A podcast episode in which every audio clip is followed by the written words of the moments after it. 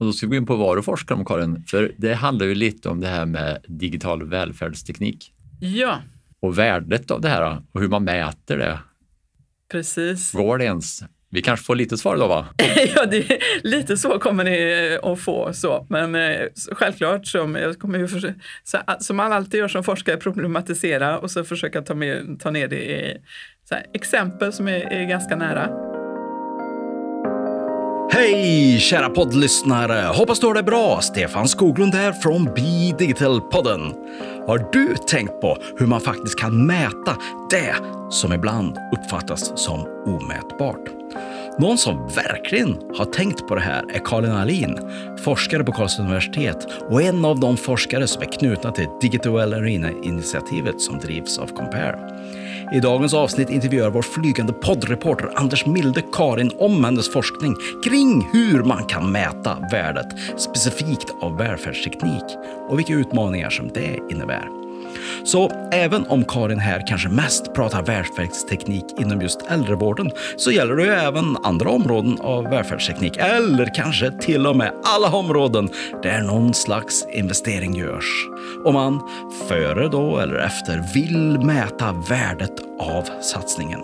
Så här får du bland annat reda på vilket specifikt värde som det mesta kretsar kring i offentlig sektor och de bedömningar som görs av digital välfärdsteknik.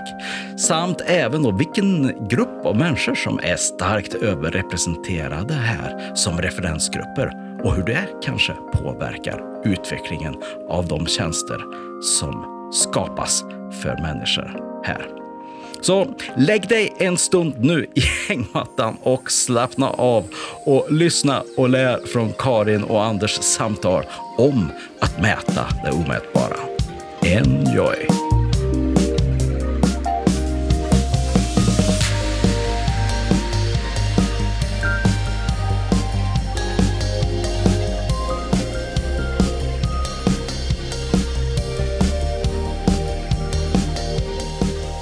Då hälsar vi dagens gäst till Be Digital-podden välkommen, Karin Alin.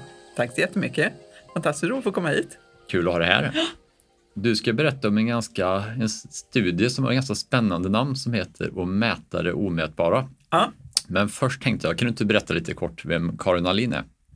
Ja, eh, den korta versionen och den som är inriktad på vad jag gör i yrkeslivet så är jag eh, systemutvecklare i grunden. Eh, har jobbat med det hela mitt liv så att eh, jag började faktiskt med det i mitten på 80-talet.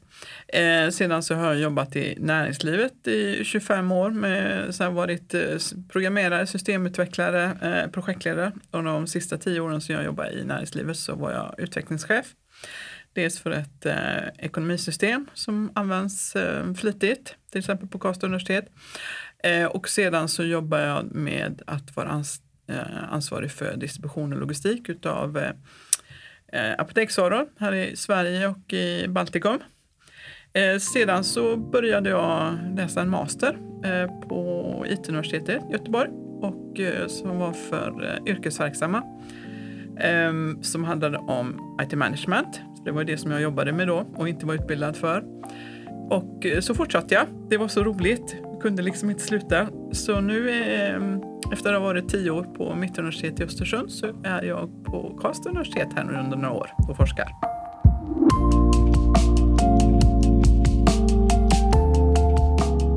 Men vi börjar väl lite från början varför det här behövs. Hur stort skulle du säga att behovet är att kunna mäta digital välfärdsteknik för offentlig sektor? Eller rättare sagt mäta värdet av denna välfärdsteknik? Ja, det, det, det, är väldigt stort det är det. Eh, om man tittar på den formella sidan så är det ju sånt som eh, eh DIGG, det vill säga Digitaliseringsmyndigheten här i Sverige, sysslar med eh, och har personer som tittar. De pratar om nyttorealiseringsmetoder. Eh, Socialstyrelsen kom ut med någonting, eh, vet du, en rapport här om veckan där det här med att eh, där de liksom hade Eh, en hel del om hur viktigt det är att vi kan mäta eh, värdet och nyttan av det som vi investerar i. För att eh, om man tittar på offentlig sektor så investerar de väldigt mycket i välfärdsteknologi.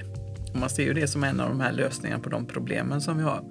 Så att det är stort om man tittar på det så här, de offentlig eh, eh, och en central nivå. Sedan så är det ju någonting som till exempel verksamhetsutvecklare inom respektive kommun brottas med dagligen. För det är ju någonting som de behöver ta fram till, eh, för att eh, få igenom inköp eh, och sen beskriva för politikerna att ja, men det här är värdet av det som vi vill investera i.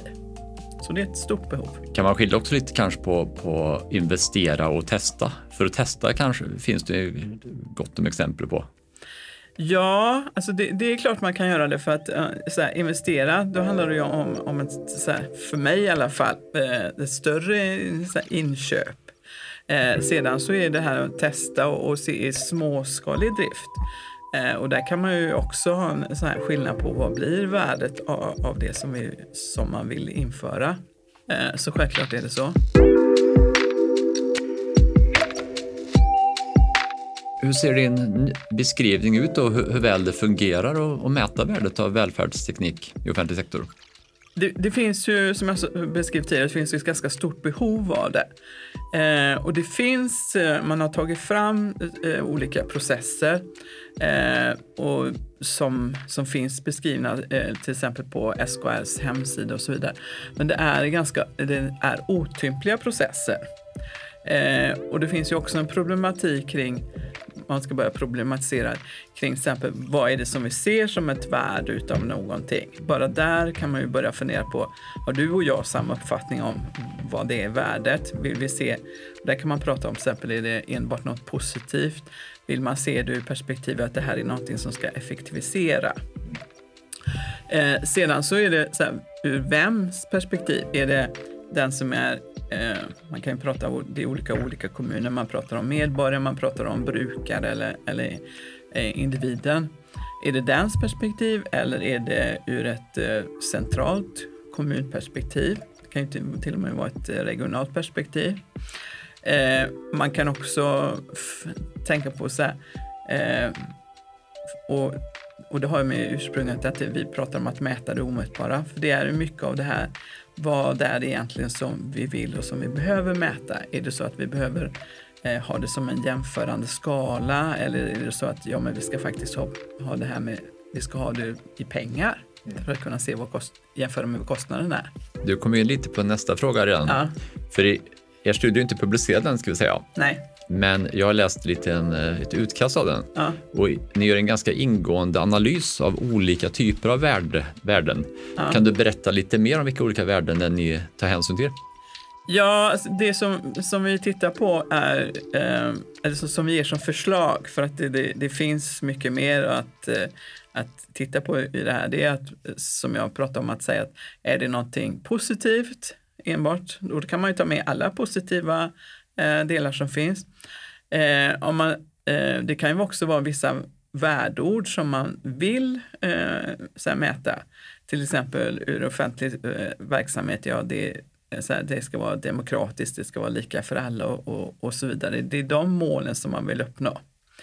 Eh, jag hade en diskussion här i förra veckan med eh, ett annat projekt där man pratade om de här globala eh, målen, Agenda 2030. Att det var ur dem som man ville mäta värdet.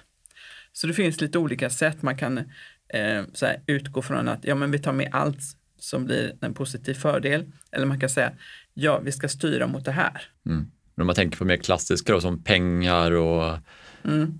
patientnytta och användbarhet. Finns det några som, som är värda att nämna tycker du? De är mer kanske som folk uppfattar med konkreta värden och som inte är global demokrati. Ja, jo, det finns ju massa sådana som, som, som eh, ett som oftast märk, eh, som, som, man ofta pratar om eh, och eh, speciellt när det gäller välfärdsteknologi, det är ju effektivisering. Att eh, det här ska då spara antingen pengar eller ska spara eh, tid för de som arbetar i, i, inom till exempel inom äldreomsorg eller någonting. Mm.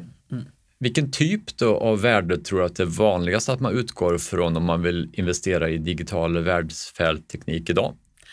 Eh, då känner jag mig lite som jag återupprepar mig själv, men jag tror absolut på att det handlar om effektivisering.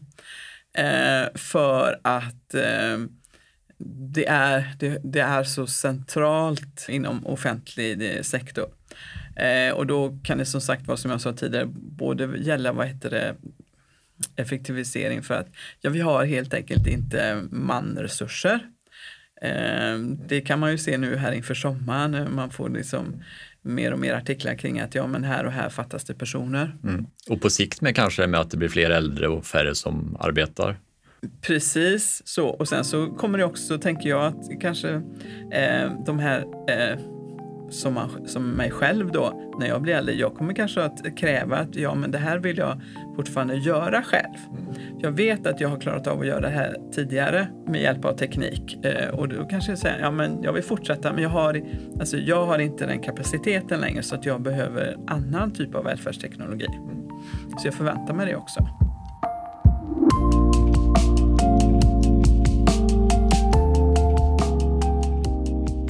Finns det några problem då med det här starka fokuset på just effektivisering?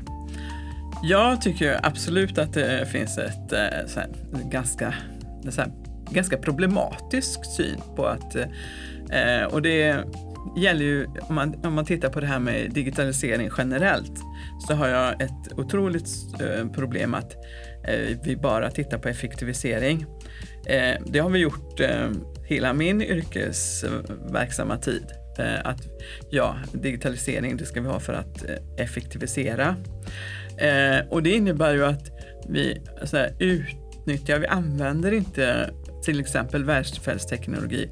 Vi utvecklar dem inte för att kunna hjälpa till och för, för att kunna styra på andra saker som till exempel eh, att vara självständig, att vara delaktig i samhället och så vidare. Utan vi tittar på, ja men det här skulle någon form utav eh, digital teknik kunna göra, göra snabbare. Vi blir inte beroende av att eh, här, skicka ut hem personer om vi tror för att till exempel nattövervakning eller så vidare hemmet. Mm. Så att jag tycker att man använder inte det, den digitala tekniken så mycket som man skulle kunna göra. Jag vet att du har sagt lite att det blir väldigt fokus på en grej i taget, kanske att en effekt i taget och en lösning. Mm. Kan du berätta lite mer hur, hur, du tänker där? Ja, det är också eh, jag tycker att eh, när vi tittar på välfärdsteknologi och, och det som eh, man utve utvecklar, eh, man till exempel använder sensorer eller någonting till, så blir det för en sak. Eh, det blir för att eh, kunna se till exempel tala om att ja men nu har den här personen tagit eh, sin eh, medicin för att det liksom medicin, medicin har spottats ut ur den här läkemedelsroboten och så vidare. Eh, men, men kan vi samla, samla information och, och data eh, om, så här, samla ihop dem i mer, eh, så tänker jag att de skulle kunna ge mycket mer och eh, vi skulle kunna utveckla det här på ett mycket bättre sätt. Så det finns lite risk för ett någon slags stuprörstänkande då, även om vi pratar om framtid och digital teknik? Ja, eh, tycker jag absolut. Och, eh, eh jag vet inte riktigt vad jag ska... Man kan ju inte lägga skulder på, no, på någon, på varken leverantör eller på de som eh, ställer krav på system. Så. Eh, men, men, här borde det finnas en arena som skulle vara så intressant att eh, på något sätt undersöka vad, vad, skulle vi kunna, vad skulle vi kunna liksom samordna? Hur skulle vi... Vi tittar, pratar ju om, om det här med man pratar om personcentrerad eller patientcentrerad vård beroende på lite var i systemet man befinner sig. Så, men det är, alltså, det är inte personen eller, eller patienten som vi är så, när vi för på den här digitala Eh, eller världsvägsteknologi utan då, det, är liksom, det är inte hela den som är i centrum. Men om vi går tillbaka lite till det med själva mätandet av värden och så vidare då. Mm. Eftersom det är så pass svårt ändå fortfarande att mäta värdet av välfärdsteknik. Mm. Tror du att det påverkar också hur man ser på välfärdstekniken och vården till exempel? Att, det, att man inte vet vilket värde det ger tillbaka? Ja, självklart. Ehm, jag tror ju som sagt var att en sak som ehm, som man är eh, duktig på att mäta det är ju som sagt eh, effektivisering för då säger man att ja, man antar att ja, men då kanske inte man behöver göra så här många hembesök eh, och så vidare. Och då kan man se, ja, så här mycket sparar vi på det. Eh, men eh, vi är till exempel dåliga på att här, mäta eh, vad skulle det här mm, ge för självständighet? Eh, vad skulle det för autonomi? Hur skulle det, hur skulle det uppfattas och så vidare. Mm. Vilket ju gör att det blir ett, eh, här, svårt att införa det. För att eh, jag, jag som kanske verksamhetsutvecklare har svårt att säga att ja men eh, kan vi införskaffa det här eh, så, vet du, så skulle x antal personer känna att ja men jag, vi är, jag är mer delaktig i samhället. Mm. Och det har de också att, jag kan säkert beskriva det i ord, men att göra den här, och siffror är ju det liksom att på något sätt en, en jämförelse. Mm. Och eh, det, det, är därför vi behöver ha de här siffrorna. Men just effektivisering då, om man tänker ur personalens perspektiv också. Ja. Tror att det också kan göra att det känns lite hotfullt att det ska bara spara tid, liksom att det finns någon sån generell uppfattning? Jag kan tänka mig att det finns en tristess över att eh, eh när man inför eh, välfärdsteknologi så, så är den bara för att effektivisera hela tiden. Mm. Eh, du säger att det blir ingen, det, blir, det man gör är ju att ersätta någonting. Det blir ju inte något nytt som kommer till. Man utvecklar ju inte verksamheten på något sätt. Nej. Om man har en mer enkel och positiv bild, då kan, kan du också ge några exempel på välfärdsteknik som, som redan är etablerad och varför just den fungerar? Ja, det, det, finns ju fantastiskt mycket sånt som, som, vi, så här, som är helt så här, självklar idag. Eh, jag eh, eh tittar ju och pratar mycket med personer som jobbar inom äldreomsorgen. Eh, en eh, här, ganska enkel sån sak är ju spisvakt. det vill säga att det finns sensorer och, och det är kopplade till spisen så att har man glömt att glömmer man att gå därifrån och sen så står det på, lite beroende på en, kanske en kvart, 20 minuter så stängs spisen av eh, är ju så här, en fantastisk livräddare eh, om man är äldre och eh, har liksom svårt med närminnet. Mm. Eh, mycket finns ju finns andra saker, de här kodlåsen som man sätter in för att man ska kunna komma in till äldre mm. på ett lätt sätt om man inte, så att man slipper ha de här nyckelringarna som jag själv hade när jag jobbade inom hemtjänsten när jag var 16-17 år. Eh, det vanliga larmet eh, som många har, äldre har, antingen som något runt, eh, vad heter det, runt halsen eller som en klocka. Mm. Så det finns ju ofantlig massa sån teknik som vi, redan, som vi använder redan idag. Men att den uppfattas som positiv och inte som något hotfullt och konstigt, är det för att den adderar ett värde då eller att, att den inte konkurrerar med något annat? För det har aldrig funnits en manuell spisfakt till exempel i hemtjänst som har vaktat en persons spis dygnet runt. Ja, det, det, kan mycket väl vara så. Sen så kan jag tänka mig att det finns en logik där också som är ganska så här, snabb att tänka, ja, det, det, det är klart att eh, så här, installera den här spisvakten gör att eh, till exempel äldre som bor, antingen bor hem, fortfarande hemma i sitt eget hem, eh, det blir ju en sån otrolig kostnad eh, med att ett hus brinner ner, den här personen brinner inne mm. eh, från samhällets sida. Så att där kan man ju kanske känna någon sorts inre logik också i att ja, men det här behöver vi inte ens räkna på. Nej, precis. Nej. Det, och det finns ju också med i det här spelet kring värde och att mäta det omätbara. Mm.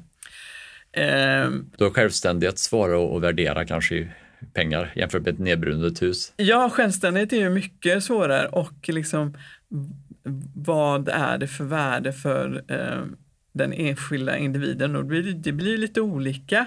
Mm. Eh, vi har ett exempel i det här projektet som handlar om eh, eh, vi kallar det för GPS-klocka, det vill säga att om, om du går ut och ute och rör på dig och kanske har lite svårt att titta hem ibland, mm. så blir du Dels så är det ju lite olika för den här individerna, vilket värde blir. Är man van och liksom har väldigt mycket fysik kvar eh, så blir det ju ett fantastiskt värde att jag fortfarande kan göra det här. Eh, och det blir ju också ett väldigt stort värde för den om man bor tillsammans med någon, någon anhörig. Eh, som, ja visst, eh, så här, min man eller fru kan gå ut och ta sin vanliga runda och, och jag behöver inte vara orolig. Mm. Eh, det, det är ju jättesvårt att värdera den här oron också. Mm.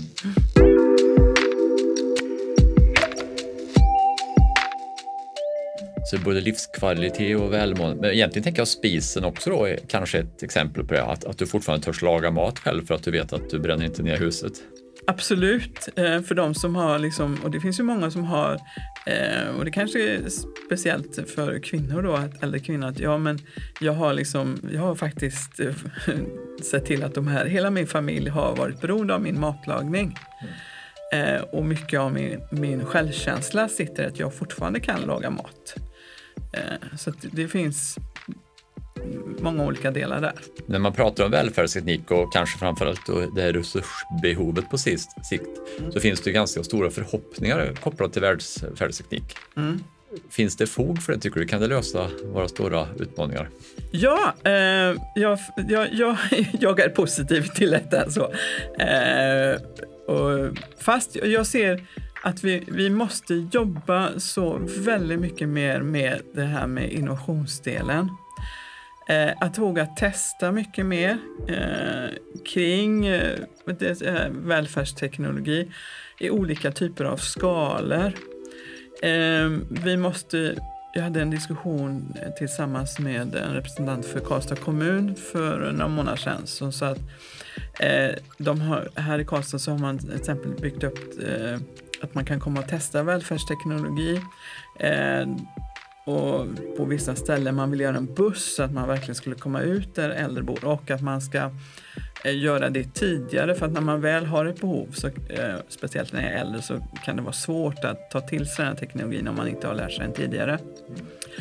Eh, så att ja, men och sedan så att, att man då på något sätt, och det här är väl lite så här rop till Vinnova, eh, försöka att göra det enkelt att jobba med de här testbäddarna. Mm.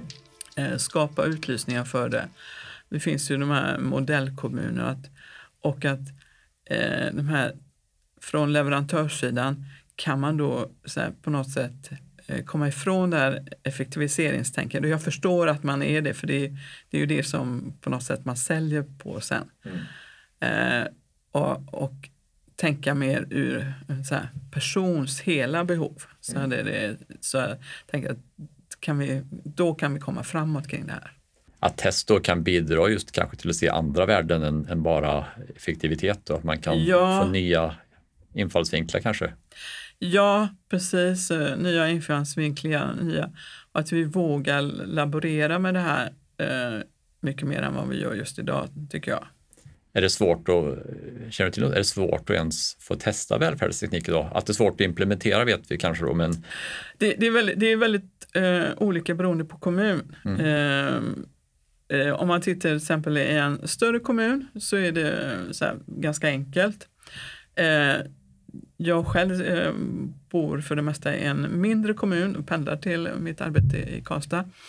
Eh, och där bor min eh, mamma också, hon är 91 år nu. Eh, skriver till exempel en gammal, har en gammal lärare, skriver med skrivstil. Eh, och det är ju så, eh, eh, kanske inte den mest lättlästa skrivstilen då. Eh, hon kan inte komma ut och handla själv, hon skriver listor.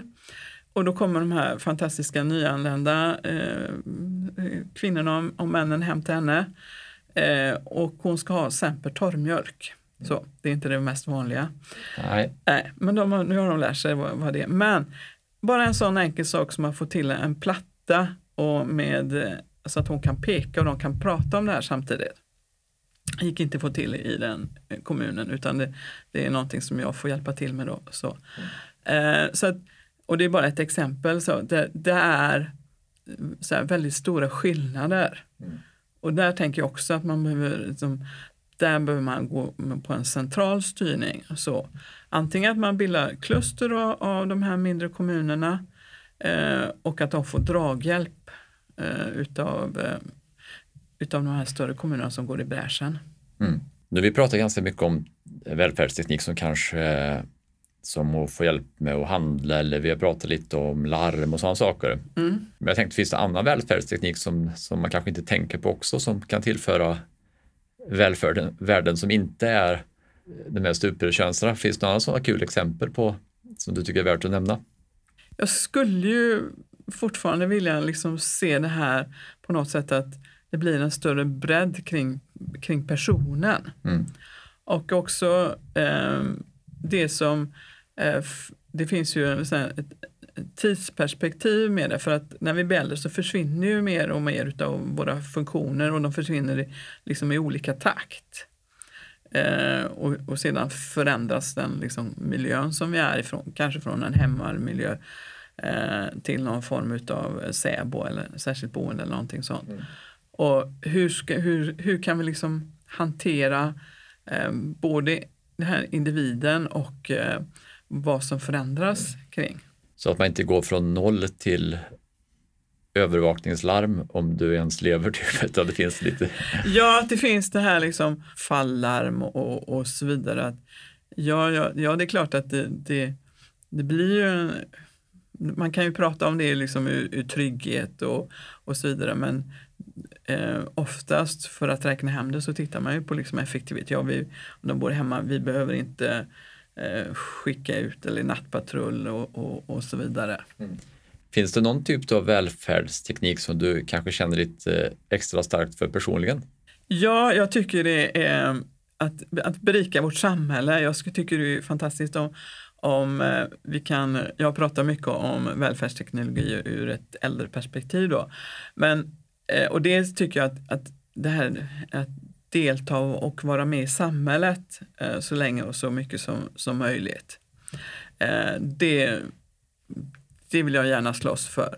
Eh, och där, där finns det ju här, ganska många olika sätt man kan, som man skulle kunna göra det i ett, i ett hem. Så. Eh, detsamma gäller de som på något sätt inte föds med, med eh, här, alla funktioner som, som vi andra har.